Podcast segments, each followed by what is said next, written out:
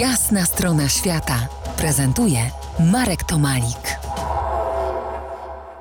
Po jasnej stronie świata Andrzej Kruszewicz, ornitolog, podróżnik, dyrektor warszawskiego zoo, współautor książki Planeta Bałtyk. To dziś ostatnia nasza rozmowa o tej planecie. Jesteś y, ornitologiem, przypatrywałeś się wędrówkom ptaków przez Bałtyk. Jakie destynacje mają ich podróże, powiedz?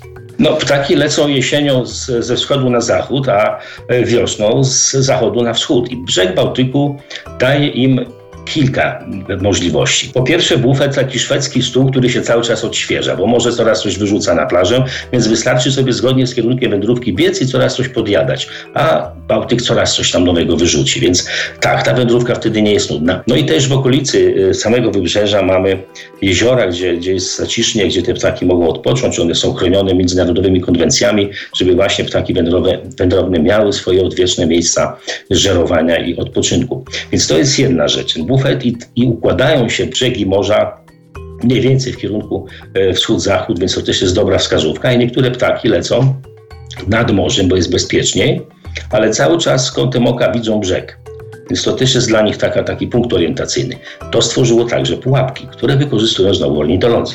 Bo jak ptaki lecą ze Szwecji, na przykład misi króliki, to taka drobinka startuje w Szwecji, waży 5 gramów, przelatuje przez Bałtyk nocą, i wtedy jak ląduje waży 3 gramy. I one normalnie by się przemieszczały dalej w głąb lądu, a tutaj kończy się ląd, na, na Helu na przykład, albo na, na Mierzeje Wiślanej. E, ląd się kończy, znowu jest woda, więc one idą sobie zgodnie z kierunkiem wędrówki, ale w tym wąskim pasie lasu. I tam ornitolodzy ustawiają sieci, łowią te ptaki, badają ich wędrówkę, ustalają jaki jest y, procent młodych osobników, jaki dorosły, co daje jakby wgląd w to, co się działo na lęgowiskach. Tak samo są badane ptaki siewkowe w specjalne wacki, zresztą też chodziłem, y, chodziłem po plażach i stawiałem wacki. Brzmi to dziwnie, ale tak nazywana jest taka pułapka, która przypomina trochę sieć na, na, na, na ryby, takie, takie żaki. Tam ptaki wchodzą, to jest na granicy wody i lądu ustawione, mogą sobie żerować i czekają na ornitologa, który je potem zważy, zmierzy, zaobrączkuje i wypuści. A czy w Bałtyku są piranie i jaki one mają związek ewentualnie z naturystami? No więc jest taka groteskowa sytuacja, że kiedyś rzeczywiście złowiono piranię paku Bałtyku. Po Bałtyku różne elementy się zdarzały, nawet wieloryby się zdarzają. Ale złowiono piranię paku. No i oczywiście dziennikarze podchwycili, że pirania. No paku jest piranią, ale roślinożerną. My mamy takie piranie w warszawskim zonie, pływają z hipopotamami.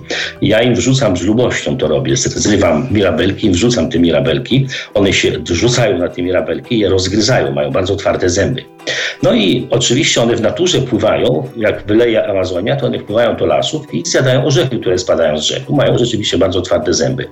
No więc uknuto z tego taki, taką historię, że po pierwsze piranie Bałtyku, czyli już jest trochę strachu. Po drugie, aha, są to piranie roślinożerne, zjadające orzechy. E, po angielsku nuts nac, to wiemy, co to są, że to są jądra, więc od razu dla turystów, żeby uważali, bo są takie piranie, które rzucają się na orzechy, czyli ten nac. E, no i było trochę śmieszne, trochę strasznie, byli tacy, co się bali. No to trzeba z orzechami uważać nad Bałtykiem. Przypomnę, gościem jasnej strony świata był Andrzej Kruszewicz, ornitolog, podróżnik, wieloletni szef azylu dla ptaków, dyrektor warszawskiego zoo, współautor książki Planeta Bałtyk. Bardzo Ci dziękuję za Twój czas dla nas. Dzięki, dzięki. Polecam się na przyszłość. To była jasna strona świata w RMF Classic.